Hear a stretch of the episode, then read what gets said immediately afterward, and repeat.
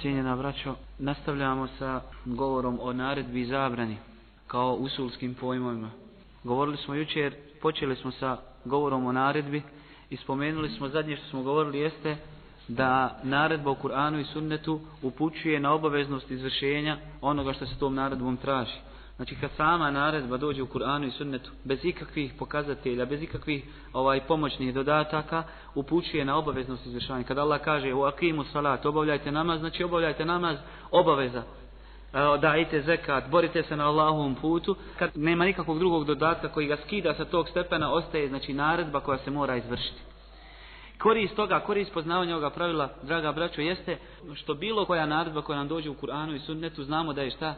Da je stroga obaveza, sve dok ne dođe nešto što je, što izvodi sa, sa, sa tog stepena stroge obaveze. Tako da, kad sa nekim razgovarate, kad se sa nekim raspravljate, kada vam neko traži dokaz, ti mu kažeš, kaže Allah Želešanuhu, uradi to, a naredba upućuje na obaveznost izvršenja. Sve dok ne dođe neki dokaz, ti mi donesi dokaz da ova naredba se ne odnosi na obaveznost izvršenja. I kada on donese dokaz, to znači da se ovom naredbom nije mislilo stroga obaveza, nego se spušta na stepen menduba i tako dalje. Što ćemo raditi danas u, u ovom našem predavanju?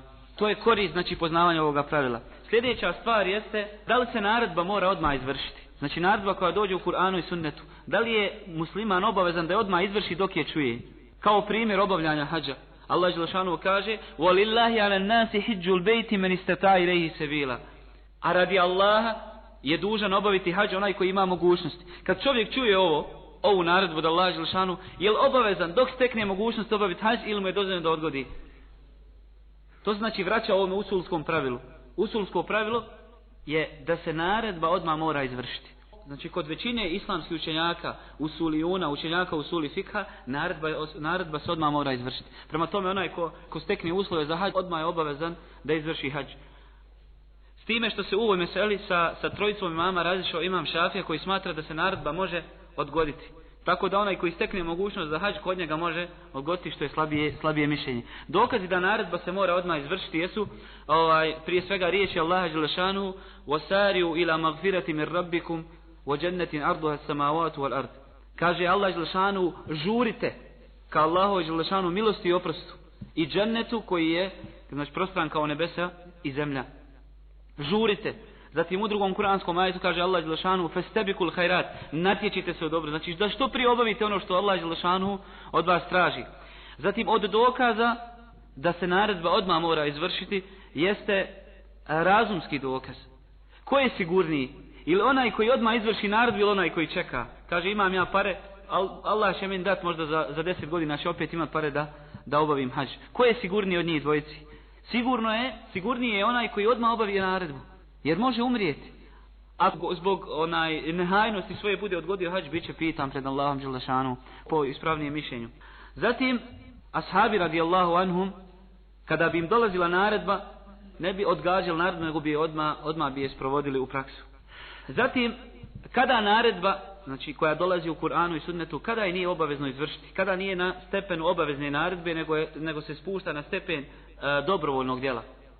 Rekli smo u, i ustvrdili smo da naredba u osnovi kada dođe u Kur'anu i Sunnetu biva obaveznom izvršiti.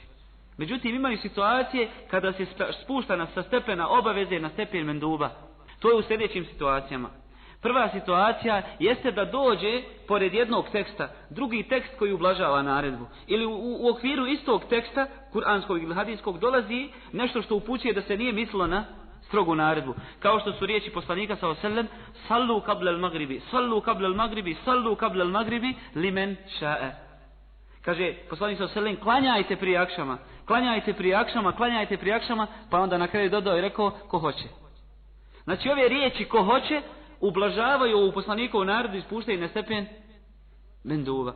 To je prva situacija. Ili poslanik sa oselem, ovaj, naređuje u, u jednom hadisu, kupanje petkom, pa kaže guslu a, a, a, guslu je umil džumati vađibu na kulli muhtelin. Kupanje petkom je obaveza svakom punoljetnom. Obaveza. Međutim, dolazi drugi hadis koji ublažava ovu naredbu i poslanik e, ukazuje da je poslanik sa samo htio skrenuti pažnju na, na kupanje petkom. Gdje kaže, men ta odda umil džumati fe biha onima manik tesale fel guslu efdal. Ko se abdesti petkom, postupio je lijepo i po sunnetu. Ako se okupa, još je ljepše postupio. Prema tome, ova, na, ova, ova druga predaja ublažava onu naredbu u prvom hadisu. U ovom slučaju se spušta naredba sa stepena o, ona, e, stroge naredbe na stepen menduba. Druga situacija kada e, naredba se spušta na stepen menduba jeste kada naredba dođe posle zabrane. Allah Želešanu nešto zabrani robovima. Allah Želešanu nešto zabrani. Poslije toga im naređuje da se vrate na tu osnovu. Kao što je e, praktični primjer znači, će najbolje, najbolje pokazati. Allah Želešanu je dozvolio lov. Dozvolio nam je znači da lovimo. Međutim, u ihramima za vrijeme hađa je zabranio lov. Poslije toga kaže wa iza halaltum fastadu. A kada se znači kad skinete ihrame, kad završite hađ, lovite. Naredba. E ova naredba se vraća na na ono na čemu je bila, to jest dozvola, dozvola. Nije stroga naredba. Iako Allah kaže lovite. To je još jedna situacija kada se kada se naredba spušta na stepen dobrovoljnog djela. Ili mustahabba, ili mubaha, dozvoljene stvari. I treća situacija kada se naredba spominje u oblasti adaba, na primjer obavljanja nužde. Kaže poslanik sa oselem, La yemessenna ahadukum zekerahu bi yaminihi wa huwa yabul. Neka niko od vas ne dotiče polni organ desnom rukom kada obavlja nuždu, kada mokri. Kažu islamski učenjaci, gledajući na to da je ova zabrana prenešena u oblasti adaba, znači lijepog ponašanja i tako dalje, etike, odnos, ova naredba nije stroga naredba, nego se misli na ovaj lijepo djelo. To jest, poslanik sa selim ovdje nas upućuje da, da je lijepo da izbjegavamo da desnom rukom držimo polni organ prilikom obavljena, ovaj, prilikom okrenja.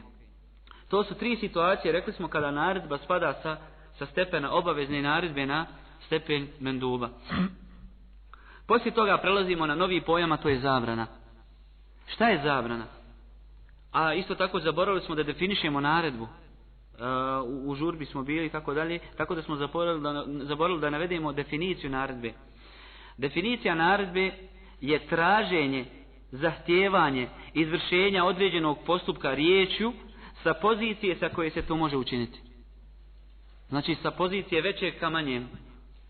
Traženje da se izvrši određeni postupak riječu. Znači, Allah Želešanu govorom svojim zahtjeva da se izvrši određeni postupak, a Allah ima pravo jer njegova pozicija je pozicija naredbodavca. Međutim, kada bi bilo obrnuto, kad bi mi rekli gospodaru, podari nam džennet, ovo podari je naredba, je tako? Međutim, u ovom slučaju to nije naredba, nego želja. Mada se, mada, se, mada se koristi oblik naredbe, podari, daj, oprosti, Znači, od uslova naredbe je da, nared, da naredbodavac bude na većem stepenu od onoga kome, kome naređuje. Isto tako sa zabrana je obrnuto. Traženje da se ostavi određeni postupak riječju od strane onoga koji ima to pravo učiniti. Znači, Allah Đelešanu ovaj, svojim riječima i svojim govorom zabranjuje određeni postupak, a on to ima pravo uraditi. Kada Allah Đelešanu... Ili, znači, sad obrnuto. Ako nismo na toj poziciji, e, onaj koji zabranjuje nije na toj poziciji, onda to nije zabrana. Ako bismo mi rekli, gospodaru, nemoj nas kazniti. Jel mi time zabranjujemo Allahu? Ne, nego želimo i molimo Allaha Želešanu. Od uslova naredbe, odnosno zabranje, je da onaj koji daje naredbu i zabranu, bude na, e, na stepenu onoga koji to može učiniti. To je definicija zabrane. Koja se, koje se sve forme u Kur'anu i Sunnetu koriste ili oblici za, za zabranu? Prije svega to su riječi ne radi, La taktulu, nemojte ubiti. Ola takrebu zina, ne približavajte se zinaluku. To je, znači, jedan od oblika koji se koristi za zabranu u Kur'anu. Kad, taka, kad takvu formu nađemo u Kur'anu i u sunnetu, znači da se taj postupak zabranjuje. Nemojte raditi, nemojte činiti, ne lovite, ne ubijajte, nemojte, nemojte činiti zinaluk i tako dalje. Druga, druge, drugi oblik koji se koristi za zabranu jeste sama riječ haram ili nehi. Znači riječ haramun i nehijun. Kao što su riječi Allah Želešanu hurrimet alejkum ummehatukum. Vama se zabranjuju vaše majke. Kada dođe ovaj oblik, znači glagolski oblik hurrimet ili hurime ili harrama alejkum, to znači zabranu. Ili da dođe riječ nehi, isto, koja isto ima značenje u našem jeziku, pošto je naš jezik siromašniji od arabskog, isto tako znači zabranu. Kaže u hadisu, Inna Allaha wa rasulahu yanhayanikum an akli luhumil humuril ahliyati wa innaha riksun. Kaže, u ovome hadisu, Allah i njegov poslanik vam zabranjuju jedenje mesa domaćih magaraca jer su oni pogan, odnosno nečisti. Ova riječ jenhajanikum, znači kad dođe, kad dođe u Kur'anu i sunnetu, znači šta? Zabranu. Ili jenha, inna Allaha jenha anil fahša, Allah zabranuje razvrat. To je druga forma zabrane koja, koja može doći u Kur'anu i sunnetu. Treća forma, odnosno kako, e, koji, na koji još način možemo prepoznati zabranu, jeste da ovaj Allah prijeti za određeni postupak. Koga uradi, bit će mu to. وَمَنْ يَقْتُلْ مُؤْمِنًا مُتَعَمِّدًا فَجَزَاؤُهُ جَهَنَّمْ Kaže, ko vjernika ubije namjerno, kazna mu je džahannam. Šta mi iz ovoga zaključimo da je ubijstvo vjernika namjerno? Zabranjeno. Iako ne kaže zabranjujem se ubijanje vjernika, ali iz ovaj zaključujemo jer Allah dželešanu i zaključujemo iz ove prijetnje da je zabranjeno. Zatim od stvari koje ukazuju da je određena stvar zabranjena jeste kefaret. Kada Allah dželešanu kaže ko radi to i to, na njemu je da da se iskupi. Znači da je taj postupak u osnovi zabranjen. I peta stvar koja nam ukazuje da je određena stvar zabranjena jeste da je Allah dželešanu odredio za nju kaznu da je za nju pripremio kaznu na ovome svijetu. Kao što su zinalu, kao što su određene stvari, a, gdje se spominje i gdje se zahtjeva izvršenje kazne nad počinjecem, počinjecem toga. Kao što onaj koji počini zinalu. Kažnjavanje, samo kažnjavanje zinalučara ukazuje na to da je to zabranjeno. Mada ima i zabrana koja ukazuje, ukazuje na to. Zatim, što se tiče zabrane, kao što je bilo kod naredbe zabrana u Kur'anu i sunnetu kada dolazi, zahtijeva i povlači za sobom znači ostavljanje postupka koji se zabranjuje. Sama zabrana kad dolazi, kada se ovaj kada Allah dželle njegov poslanik nešto zabranjuju, ta zabrana u osnovi upućuje da je taj postupak šta haram, zabranjen. Dokaz zato jesu riječi poslanika sallallahu alejhi ve sellem: "Iza amartukum bi shay'in fa'tu minhu mastata'tum wa iza nehejtukum anhu fentehu. Kaže poslanik sa srlem, kada vam nešto naredim, izvršite koliko ste u mogućnosti. A kada vam nešto zabranim, potpuno ga se klonite.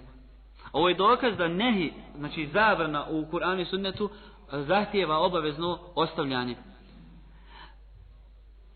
Zatim, e, šta još ukazuje da zabrana ovaj zahtijeva obavezno, obavezno ostavljanje, jesu riječi Allaha Đelešanuhu وما تاكم الرسول فخذوه وما نهاكم عنه فانتهوا ono što vam poslanik da uzmite a ono što vam zabrani ostavite sljedeće pitanje kada se govori o zabrani jeste da li zabrana povlači za sobom ništavnost onoga što je zabranjeno Allah Želešanu je zabranio, na primjer, ženitbu mušikinjama. Ako bi čovjek sklopio bračni ugovor sa mušikinjom, da li je taj ugovor ispravan? Bez obzira živio godinama sa njom, da li on živi po, po ispravnom ovaj ugovoru, taj ugovor je znači ništavan. Kad Allah Želešanu i njegov poslanik nešto zabrani, ta zabrana povlači za sobom ništavnost toga što su zabranili. To je jedno od pitanja. Da li zabrana povlači za sobom ništavnost onoga što je zabranjeno? Allah Želešanu je zabranio kamatu. Ako bi čovjek putem kamate ili sklopio ugovor u kome ima kamate, da li bi taj ugovor bio ispravan? Ne bi. Znači po ovome pravilu taj ugovor nije ispravan. Zato kada su u pitanju zabrane, zabrane se dijele sa više aspekata. Prije svega, zbog čijeg je prava zabranjena određena stvar. Ako je zbog Allahovog, znači može biti zabranjena zbog Allahovog prava, a može biti zabranjena zbog ljudskog prava. Allah Želešanu je zabranio kamatu, zabranio je ženitbu mušikinjama zbog čijeg prava? Zbog svoga prava. A zabranio je onu vrstu prodaje koju smo spominjali iz kupo prodaje neđeš da se poveća cijena ne sa željom da se proda nego samo da se mušterija navuče na tu cijenu taj neđeš je zabranjen zbog ljudskog prava. Ili da zaprosiš ženu koju je zaprosio tvoj brat. Zbog čega je, zbog čega je zabranjena prošnja na prositbu brata? Zbog, zbog ljudskog prava. Ako Allah Želešanu i njegov poslanik zabrane nešto što je vezano za Allahovo pravo ili ljudsko pravo, ta zabrana povlači ništavnost tog postupka. Pa smo navodili primjer. Ako Allah Želešanu, Allah Želešanu je zabranio kamatu, to upućuje na to da onaj koji sklopi ugovor u kome ima kamate, taj ugovor je ništavan. Isto tako, Allah Želešanu je zabranio prosidbu brata na, znači na prosidbu njegovog brata. Prosidbu čovjeka na prosidbu njegovog brata. Ova zabrana upućuje na ništavnost, ako bi se dogodilo da čovjek prosi, izvrši prosidbu na prosidbu svoga brata, taj ugovor je ništavan, osim ako mu on dozvoli i kaže ja ti halalim svoje pravo. Dok kod Allahovog prava nema halala. Allah ono što je zabranio radi svog prava, kamata. Pa makar se dvojica složila i rekla, pa mi smo zadovoljni time. Biva zabranjeno i biva ništavnim kupoprodaja. Dok ako se radi ljudskom pravu i ako je određena, određena ovaj kupoprodaja ili određeno, određeni postupak zabranjen zbog ljudskog prava, ima pravo, znači da čovjek traži od njega dozvolu, ako on složi, biva, biva, ovaj, ugovor biva ispravnim. Neki primjeri u kojima zabrana povlači za sobom ništavnost onoga što je zabranjeno.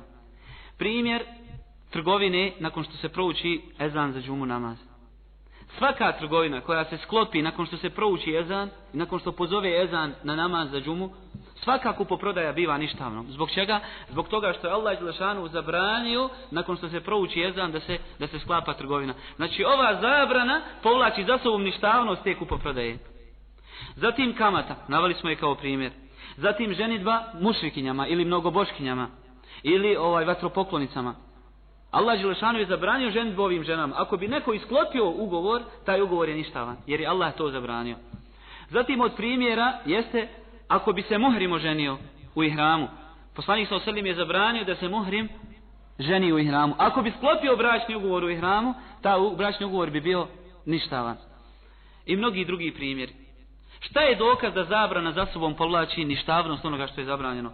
Dokaz su riječi poslanika sallallahu alaihi wa sallam Men amila amelan lejsa alaihi amruna fahu arad. Onaj koji uradi nešto sa čime mi nismo došli i na čemu mi nismo, to se odbija. Znači odbija se, odbija se to djelo kao da ga nema. Zatim ashabi radijallahu anhum su radili po ovome pravilu. Pa je Abdullah ibn Omer uzeo ovo pravilo kao dokaz da onaj koji sklopi bračni ugovor sa mušriknjom da je taj bračni ugovor ništavan. Pa je zabranio i učinio je takav ugovor ovaj ništavnim. Zatim, kad gledamo sa razumske strane, Allah Želešanu je zabranio ove stvari. Zabranio određene stvari. Zbog koristi. Ako bismo mi rekli da i pored toga što ih Allah zabranio da su one ispravne ako se dogode, onda bi to došlo u kontradiktornost sa, Allah, sa Allahom mudrošću. Jer Allah je upravo te stvari zabranio da se ne čine. I zabranio je zbog štetnosti. I ako bismo mi rekli da su one ispravne, Allah zabranio ženitbu mušikinjama, ajde ako se neko oženi ispravan je ugovor, ali je učinio haram, znači u tom slučaju dolazi do kontradikcije. zbog čega onda Allah Želešanu zabranio, zabranio tu stvar. Prelazimo na sljedeću cijelinu, a to je opšti i posebni tekst u Kur'anu i Sunnetu. Am i Has. Opšti tekst jeste am, u stvari am, je pojam koji obuhvata sve svoje jedinke u jednom trenutku. Znači kad izgovorimo tu riječ, o, ta riječ obuhvata sve svoje, e, sve svoje jedinke u jednom te istom trenutku. Kao što je riječ čovjek. Kad kažemo čovjek, obuhvata sve, sve ljude na, na ovome svijetu. To je, znači, am. Ili, kad kažemo voda, mislimo na svu vodu na, na ovome svijetu. To je, znači, ako, ako tako gledamo, to se smatra a, tekstom koji je opšti, odnosno am koji se izrazi u Kur'anu i Sunnetu koriste za, kao, opšti, kao opšti pojmovi. I kad oni dođu, gledamo ih kao tako i obuhvataju sve, sve ono što može ući pod, pod taj pojam. Prije svega to je, to su ovaj imenice koje su označene sa određenim članom L. Tu spadaju tri vrste imenica. Zbirne imenice. Kao što su El Mušrikun, El Mu'minun. Kad se kaže El Mušrikun, misli se na sve mušrike. Zbog ovoga el, zbog ovog određenog, zbog ovog određenog člana. Ili el muslimun. Kad kažemo, znači to je zbirna imenica, kažemo obuhvata sve mušrike i sve, sve. Jer, na primjer, kad Allah kaže faktulul mušrikine, ubijajte mnogobožce, misli se na sve mnogobožce. Jer je ovo jedan od tekstova, jedan od opštih tekstova u Kur'anu i Sunnetu. Zatim, tu imamo jedninu, kada dođe sa određenim članom, kao što je esariku, ezani, kradljivac, a, bludnik. Kada u Kur'anu i sunnetu dođe ova jednina sa određenim članom, onda ona obuhvata sve, sve jedinke. Kad kaže Allah Đelšanu, وَسَارِكُ wasarikatu faktau aidehuma. I kradljivcu i kradljivici osjetite ruke. Da li se ovdje odnosi na posebno kradljivca ili na svakog? Odnosi se na sve jedno kradljivca i kradljivci ima što se moraju po, po sunnetu Allahog poslanika ispuniti određeni uslovi da bi se, ali uopšteno obuhvata svakog kradljivca i kradljivicu. Isto tako riječ Allah Želešanu ezanijetu vazani i bludnicu i bludnika. Znači, da li se to odnosi na posavu? Ne, nego se odnosi na svakog, svakog bludnika i svaku bludnicu. Zatim, od izraza koji se koriste kao opšti u, u, u Kur'anu i Sunnetu, jeste uslovna, uslovne čestice. Koji god, šta god, koji i tako dalje. A u arapskom se a, su to men, ma, eju i slično. Znači men, kogod. Kad kaže Allah Đelšanu, wa men je te Allah. Kogod se osloni na Allah, znači ovo men obuhvata svakoga. Men beddele dinehu faktuluhu. Ko promijeni vjeru, kogod promijeni svoju vjeru, ubijte ga. Znači ovo men obuhvata svakoga muslimana i muslimanku koji se odmetnu. Pogledajte kako je ova vjera sadržajna. Ne treba poseban tekst da dođe i za, za ženu, za čovjeka, za, za određene skupine, nego Allah Želešanu i njegov poslanik sa jednom riječi obuhvataju sve, sve jedinke. Zatim ma, wama tef'alu min hajrin što god uradite od dobra. Ovo ma je opšte i ono obuhvata sve što se od dobra uradi. Ili ejuma, eju, koji god, ejuma mraati nekehat bi gajri walijin, fa nikahu aban. Koja god se žena uda bez staratelja, njen, njen brak je ništavan. Znači, to su izrazi koji se u Kur'anu i Sunnetu koriste. Bitno je da zapišete ove izraze na arapskom kako, kako biste i mogli prepoznati kada naiđete u Kur'anu i Sunnetu ovaj, na, na njih.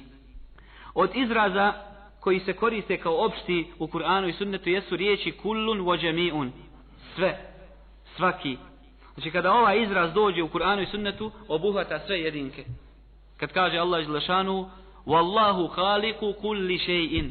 Wallahu khaliku kulli shay. Allah izlašanu je stvoritelj sve, svake stvari. Ovo kullu obuhvata sve. E, četvrti izraz koji se koristi kao, kao opšti u Kur'anu i Sunnetu jeste neodređena riječ pomenuta zajedno sa zabranom, odnosno odricanjem. Primjer, kaže Allah Želešanuhu, vola tušriku bihi šeja i nemojte mu nikoga kao druga pripisivati. Ovo šeja je neodređena, neodređena ovaj imenica u arapskom jeziku. Obuhvata svaku stvar, a došla je znači bez ela, bez određenog člana. A prije toga imamo zabranu, vola tušriku bihi šeja i nemojte mu ništa kao druga pripisivati ili nikoga. To je što se tiče ovaj izraza koji se koriste u Kur'anu i Sunnetu kao opšti. Prelazimo na neka pravila vezana za am, za opšti tekst. Prvo, žena ulazi u sve one tekstove, u opšte tekstove, koji dolaze u vidu množine muškog roda. Kao što su el muslimun, el mu'minun. Iako Allah ne spominje ženu, ona ulazi u ovaj pojam. Kad god Allah Želešanu spomene riječ el mu'minun, el muslimun, odnosi se i na ženu. Normalno, ako u tom istom ajetu, odnosno tekstu, nije spomenuta žena. Jer nekad kaže el mu'minune wal mu'minat, wal el muslimune wal muslimat. Međutim, kada dolazi tekst u kome se samo spominje el mu'minun wal muslimun, u tom slučaju žena ulazi, ulazi u taj opšti tekst. I na nju se odnosi. A zbog čega Allah Želešanu nekad spominje el mu'minune wal mu'minat, Zbog toga što su se žene žalile, Allahom poslaniku govorile, sve, e, spominju se muškarci, a žene se ne spominju i onda je u određenim situacijama spomenuta žena da se ukaže na njen, na njen značaj, ali je ona ostala u sastavu gdje god nije spomenuta, ostaje, ostala je u sadržaju tog govora. Gdje se god spomeni riječ vjernice odnosi se i, i na ženu. Zatim, od pravila uh, opšteg teksta jeste kada poslanik sallallahu alaihi wa sallam ne traži ovaj detalje određenog određenog postupka ili određenog događaja. Dođe mu čovjek i pita ga nešto. Međutim, on ga ne pita o svim detaljima, poslanik sa selem, to njegovo nepitanje upućuje da je taj propis kojeg će on dati opšti. Pa tako dolazi mu čovjek, Gejlan ibn Seleme, koji imao deset žena u džahilijetu, pa je sa njima zajedno prihvatio islam. Kada je, dok, kada je ovaj, zabranjeno da se ima više od četiri žene, poslanik sa selem mu je rekao, razvedi. Znači ostavi četiri, ostale razvedi. Poslanik sa oselin ga nije pitao kako ih je oženio. Je li oženio sve zajedno ili je oženio jednu, pa drugu, pa treću. Što ukazuje? da je sve jedno, znači da se ovaj pro, da je propis opšti, da je sve jedno, da, li, da je dozvoljeno oženiti sve zajedno i da je dozvoljeno oženiti jednu po jednu. Jer poslanik sa ga nije pitao o detaljima, a bilo je nužno da ga pita, jer ovome umetu potreban taj propis, jer će se sigurno nekad neko zapitati, jel dozvoljeno da sve zajedno oženim, jel dozvoljeno da jednu, da, ili moram posebno svako od njih. Tako da ovo poslanikov sa oselem ne pitanje i ne postavljanje pitanja o detaljima ukazuje na opšti propis. Drugi primjer. Uh, Abdullah ibn Mas'ud radijallahu anhu došle su doš, u stvari poslaniku sa oselem su došle dvije žene i pitale su da li mogu dati sadaku čovjeku i svojoj djeci. One su rekle sadaku, nisu rekle zekat. I poslanik sa Selim je rekao onda one imaju dvije nagrade, nagradu dobročinstva, odnosno održavanja rodbinske veze i nagradu sadake. Kažu islamski učenjaci da ovaj hadis dokaz i zadavanje da ženi dozvoljeno da da zekat svome čovjeku. Obrnuto nije dozvoljeno. Čovjeku nije dozvoljeno dati ženi zekat. Zbog čega? Zato što je čovjek po šarijetu obavezan da, da se skrbi o ženi. I ako bismo rekli da mu je dozvoljeno da daje sadakom, da bi on izbjegavao obavezno, obavezno o, o, skrbljenje o ženi. Dok je obrnuto dozvoljeno, a dokaz je ovaj hadis. Iako se u njemu spominje sadaka uopšteno. Ali poslanik sa vselem nije tražio detalje, nije pitao ih na koju sadaku mislite, jel mislite na obaveznu ili na dobrovoljnu. Tako da kažu, kažu islamski izvlači iz ovoga pravilo usulsko, da terkul istifsal fi maqam il ihtimal yunazzalu manzilat al umum fi al maqal. Znači netraženje pojašnjenja u situacijama koje se mogu dvostrano ili dvosmisleno shvatiti ima propis, ima opšti propis. Dobiva opšti propis. Tako da ovaj hadis znači je dokaz i za dobrovoljnu sadaku i za, i za zakat. Od pravila ama, odnosno opšteg teksta, jeste ovaj, da se u obzir uzima opštost teksta, a ne posebno, posebnost povoda. Šta to znači? Znači kada Allah Đelešanu objavi kuranski ajet povodom nekog događaja, povodom znači nečega, vi znate da postoji posebna oblast u, u kuranskoj nauci koja se zove Esbabun Nuzul, povodi objave određenih ajeta. E, kada Allah Želešanu objavi kuranski ajet povodom nekog događaja, da li se propis odnosi samo na, na tu osobu povodom koje je objavljeno se odnosi na svakoga drugog ko isto to uradi? Znači, dogodilo se da je čovjek potvorio svoju ženu da je učinila zinalog. Došli su poslaniku sa selem i onda se vrši mu laana, proklinjanje. I na kraju se rastavljaju. Ovaj ajet o mulaani koji se u suri, u suri Nur objavljen je povodom jednog ashaba. E sada postavlja se pitanje, da li se taj isti propis odnosi na svakog drugog koji to uradi? Po ispravljenjem mišljenju jeste. Znači, ne, ne gleda se poseban povod, nego se gleda opštost teksta. To je usulsko pravilo koje je vezano za Allah Đelešanu nekad kori židove i kaže o židovi, o, o jevreji, nemojte pretjerivati u Allahovoj vjeri. Da li ovaj ajet se odnosi samo na njih ili na svakoga onoga koji pretjeruje u Allahovoj vjeri? Povodom židova je objavljen, međutim odnosi na, na svakoga onoga koji pretjeruje i koji prelazi granice koje Allah Đelešanu postavio. Zatim, što se tiče još nekih pravila vezanih za am, uh, od među pravilima jeste da je obaveza raditi po opštom tek, opštem tekstu sve dok ne dođe poseban tekst koji izdvaja određene jedinke iz ovog opšteg teksta. Nama je obaveza raditi, ili muslimanima je bila obaveza raditi po riječima Allaha Želešanu Jusikum Allahu fi euladikum. Allah vam naređuje da oporučite imetak svojoj djeci. Da se da vaša djeca znači podijele, podijele imetak. Da ostavite svojoj djeci imetak. Ovo svojoj djeci je opšte karaktera. Odnosi se i na djecu poslanika i na djecu znači koja su nevjernici. Međutim, dolazi i, i muslimanima je bilo obaveza raditi po ovome tekstu sve dok nisu došli posebni dokazi gdje se izdvaja znači dijete nevjernik ili ubica. Dijete koje ubije svoga oca nema pravo na, u njegovom nasljedstvu. Zatim djeca poslanika se izdvajaju. Djeca poslanika nemaju pravo nasljedstva u imetku, jer kaže poslanik sa sallam, nahnu mašaru, nahnu mašaru enbija, la nuresu ma teraknahu fahuva sadaka. Mi, skupina poslanika, se ne nasljeđujemo ono što ostavimo je sadaka. Znači ovaj hadis je posebnog karaktera. I on izdvaja iz ovog opšteg ajeta, izdvaja koga? Djecu poslanika. Iako ajet kaže, Allah vam naređuje da oporučite svojoj djeci.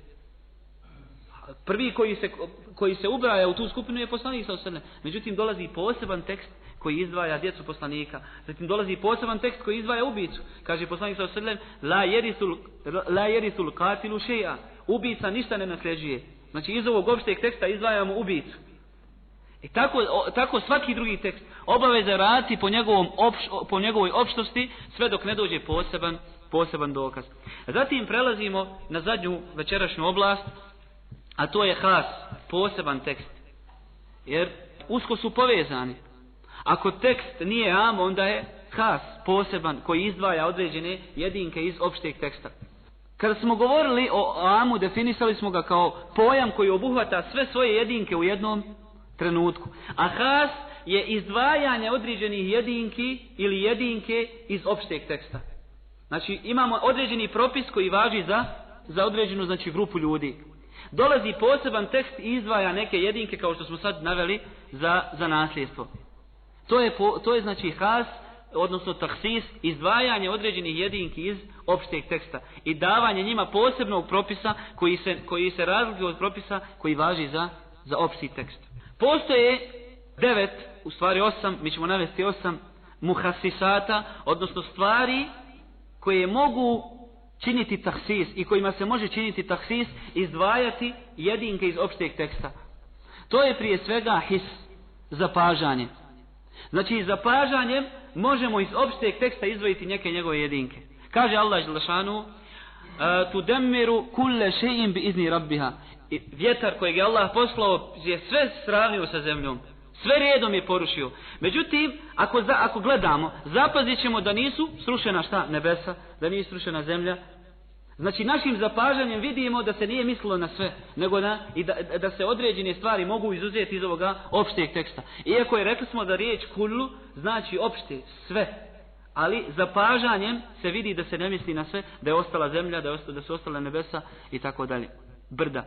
Druga stvar kojom se može činiti izdvajanje, odnosno taksis, jeste akl, razum. Allah Želešanu kaže u Kur'anu Wallahu haliku kulli šej. Allah je stvoritelj svega. Šta razumom izlazi iz ove opštosti? Znači izlazi iz ovoga kullu šej izlazi Allah Želešanu. Čime razumom? Nemoguće da Allah Želešanu sebe stvorio. Razumom izdvajamo i izlazi znači Allah Želešanu. Iako kaže Allah je stvoritelj svega. A u to sve ulazi Allah ali izlazi znači razum nemoguće je da Allah Želešanu samog sebe stvori, jer Allah Želešanu nije stvoren što je od našeg vjerovanja. Zatim, drugi primjer za, za izdvajanje razumom jeste, poslanik sallallahu sallam kaže, e, hamsu salavatin ketebahun Allahu alal ibad. Pet namaza je Allah propisao svojim robovima.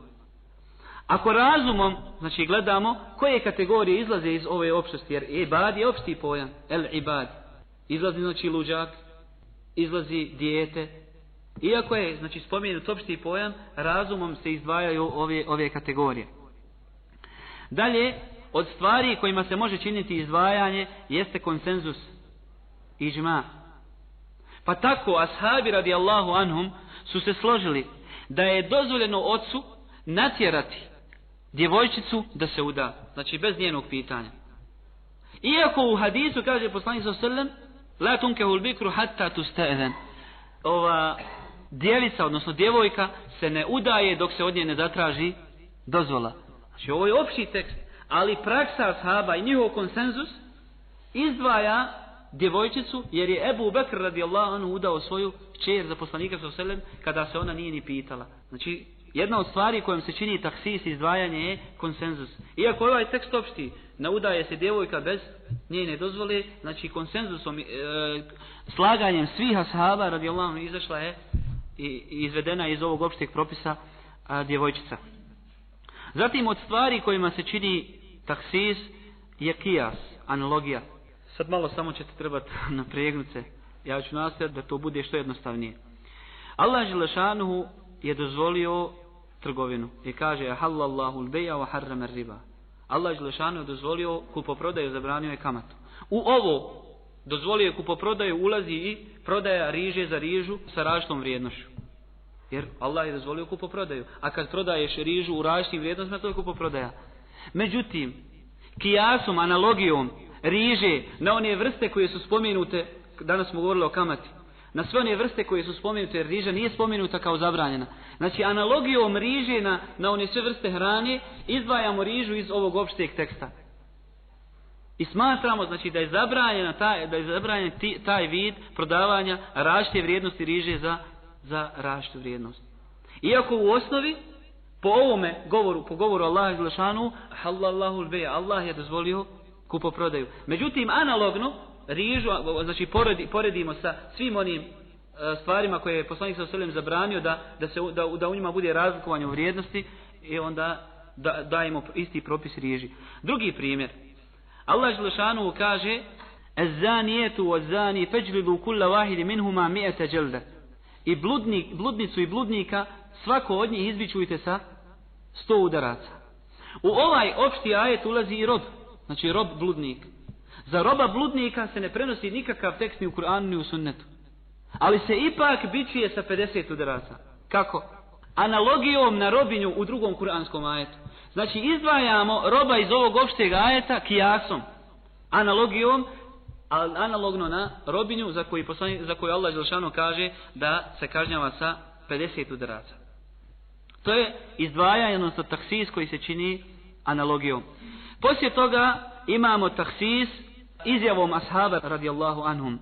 Znači, ako nađemo izjavu ashaba, ona može biti taksis za jedan opšti tekst. Allah Želešanuhu u suri Nisa kaže وَإِنْ كَانَ رَجُلٌ يُورَثُ كَلَالَةً وَلَهُ أَخٌ أَوْ أُخْتٌ فَلِكُلِّ وَاحِدٍ مِنْهُمَا السُّدُسُ Kaže, ako čovjek bude naslijeđen kelalom, to je da nema ni, ni, oca, ni oca, ni sina, znači nema ni, ni uzlazne, ni silazne loze, a ima ne brata i sestru. Ovo, brat i sestru je opšti pojam, bilo da se to radi o bratu po majici i ocu, ili bratu samo po ocu, ili bratu samo po majici. Međutim, iz izjave ashaba izvodimo da se tu odnosi samo na djecu po majici. Jer je ovaj Abdullah ibn Mas'ud ovaj ajet čitao i učio وَلَهُ أَبُنْ أَوْ أُخْتٌ لِأُمِّنْ A ima, ma, ima brata i sestru po majici. Znači ovaj kiraet koji se prenosi od Abdullah ibn Mas'uda, njegova izjava jer je nemoguće, to smo govorili kad smo govorili iz Usuli Fikha o, o iznimnom kirajetu, nemoguće je da ashab kaže o Kur'anu nešto što nije čuo od poslanika sose. Jer nemoguće da ashab doda od sebe u Kur'anu, najmanje što je moglo biti jeste da je to čuo od poslanika sose. Zatim od stvari koje mogu, koje mogu učiniti taksis i kojima se može izdvajati određene stvari iz, iz opšteg teksta jeste sam sam ovaj kuranski hadijski tekst. Znači imamo kuranski tekstova u kojima se nešto uopšteno spominje. Imamo drugi kuranski tekstova koji izdvajaju određene određene ovaj jedinke iz, te, iz tog opšteg teksta. Kaže Allah Đelešanuhu wal mutallaqatu yatarabbasna yatarabbasna bi anfusihinna thalathata quru. I kaže neka razvedenice, raspuštenice čekaju tri mjesečna pranja. Ovdje raspuštenice obuhvata sve, sve vrste raspuštenica. I one kojima, i koje, koje ostanu trudne. I one kojima pogine muž. I one koje još nisu stupile u, u još nisu imale vezu. Udale se, ali nisu imale vezu. Prije toga im čovjek, desi se da, da, da čovjek umre. Međutim, dolaze drugi kuranski ajeti koji izdvajaju ove kategorije. A ovaj ajet jeste opšti, međutim ima druge ajete koji izdvajaju, pa Allah Želešanu kaže za, za trudnice da je njihov rok dokle dok se ne porode. Pa makar to bio dan. Znači iz ovog opšteg teksta vidimo da Kur'an čini taksis Kur'anu. Kur'an sam izdvaja iz opštih tekstova koji se navode u Kur'anu izdvaja određene jedinke. Bilo da se radi o taksisu Kur'ana sunnetom. Znači da u Kur'anu se prenese opšti tekst, a poslije toga dolazi sunnetom poseban tekst koji izdvaja određenu, određene, određene kategorije. Naveli smo primjer za, za podjelu imetka. U Kur'an se prenosi da je to uopšteno, dok dolazi u sunnetu, dolaze izdvajanje koga? Djece poslanika, nevjernika, isto dijete nevjernik i ovaj ubica. Bilo da se radi o tahsisu sunneta bi sunne, znači da se da sunnet izdvaja iz sunneta, iz opšteg sunneta izdvaja određene, određene jedinke. Uh, u hadisu poslanik sallallahu alejhi ve sellem je zabranio uopšteno zlato i svilu. Međutim, dolazi drugi hadis u kome se izdvaja, izdvajaju žene. Pa kaže u prvom hadisu od Huzeyfe radijallahu anhu, Nehen nebiju sa oselem en nešrebe fi anijeti zehebi wal fiddati, wa en ne'kule fihima, wa en lupsil hariri wa dibađi, wa en neđli se alihi. Poslanik sa oselem je zabranio da pijemo u zlatnim posudama i da jedemo u zlatnim i srebrnim posudama i da jedemo u njima, kao što nam je zabranio da oblačimo a, svilu i brokat i da sjedimo na njima. A u drugom hadisu kaže poslanik sa oselem, uhilla zahabu wal hariru li inasi ummeti wa hurrima ala zukuriha. Znači, svila i zlato se dozvoljavaju ženskadi iz moga ummeta ili ženama iz moga ummeta, a zabranjeno je muškarcima. Znači, vidimo hadis, čini tahsis hadisu, u jednom hadisu, e ovo, ovo je donijelo dosta smutnje kod ljudi. Dok nije nastao u suli za ljude, ljudi su mislili da je Kur'an kontradiktoran, da je sunnet kontradiktoran. Kako u jednom kuranskom ajetu Allah kaže ovako, u drugom ovako. U hadisu ovako, ovako. Znači došlo je do, do, do nesvatanja Kur'ana i sunneta. Dok nije došao imam Šafija, to smo govorili, kada smo govorili u uvodu u suli fik, dok nije napisao u suli fik i dok nije pojasnio te stvari. Zato je imam Šafija, rahmetullahi alihi, donio dobro koje se ne može ni pojmiti za ovu vjeru. Jer je kod ljudi razbio tu famu o kontradiktornosti ajeta ili, ili hadisa. Zatim od stvari kojima se može činiti taksis, odnosno posebno izdvajanje, jeste praksa poslanika sallallahu alaihi wasallam. Allah Želešanu kaže u Kur'anu وَلَا تَكْرَبُهُنَّ حَتَّى يَتْهُرْنَ Govori za ženu u hajzu kaže nemojte im se približavati. Ovo nemojte se približavati, znači nikako im se nemojte približavati dok se ne očiste. Dok u praksi poslanika sa oselem nalazimo da je poslanik sa oselem se naslađivao tijelom svojih žena osim, osim polnog odnosa. Pa kaže Aisha radijallahu anhu hadis koji mu tefeku na li Kane nebiju sa oselem je muruni fe teziru fe jubaširuni o ane haidu. Poslanik sa oselem bi mi naredio da se zagrnem, da obučem donje ogrtač, a zatim bi se naslađivao mojim tijelom, a bila sam u, u hajzu. Iako Allah kaže nemojte se približavati, međutim poslanikova praksa pokazuje da se ovdje mislo nemojte se približavati polnim, polnom odnosu. To su bile neke stvari kojima se čini taksis. Zatim, što se tiče znači ovaj ostalih tema sutra ćemo ako Bog da nastaviti sa sa mutlakom i mukajedom pojasnimo inshallah i taala šta znači i na kraju ćemo završiti rekli smo sa ovaj fetvama sa uslovima koji su potrebni za fetvu za mučtehida i uslovi koji se moraju ispuniti da bi čovjek bio mučtehid odnosno muftija. أقول qawli هذا wa الله لي wa lakum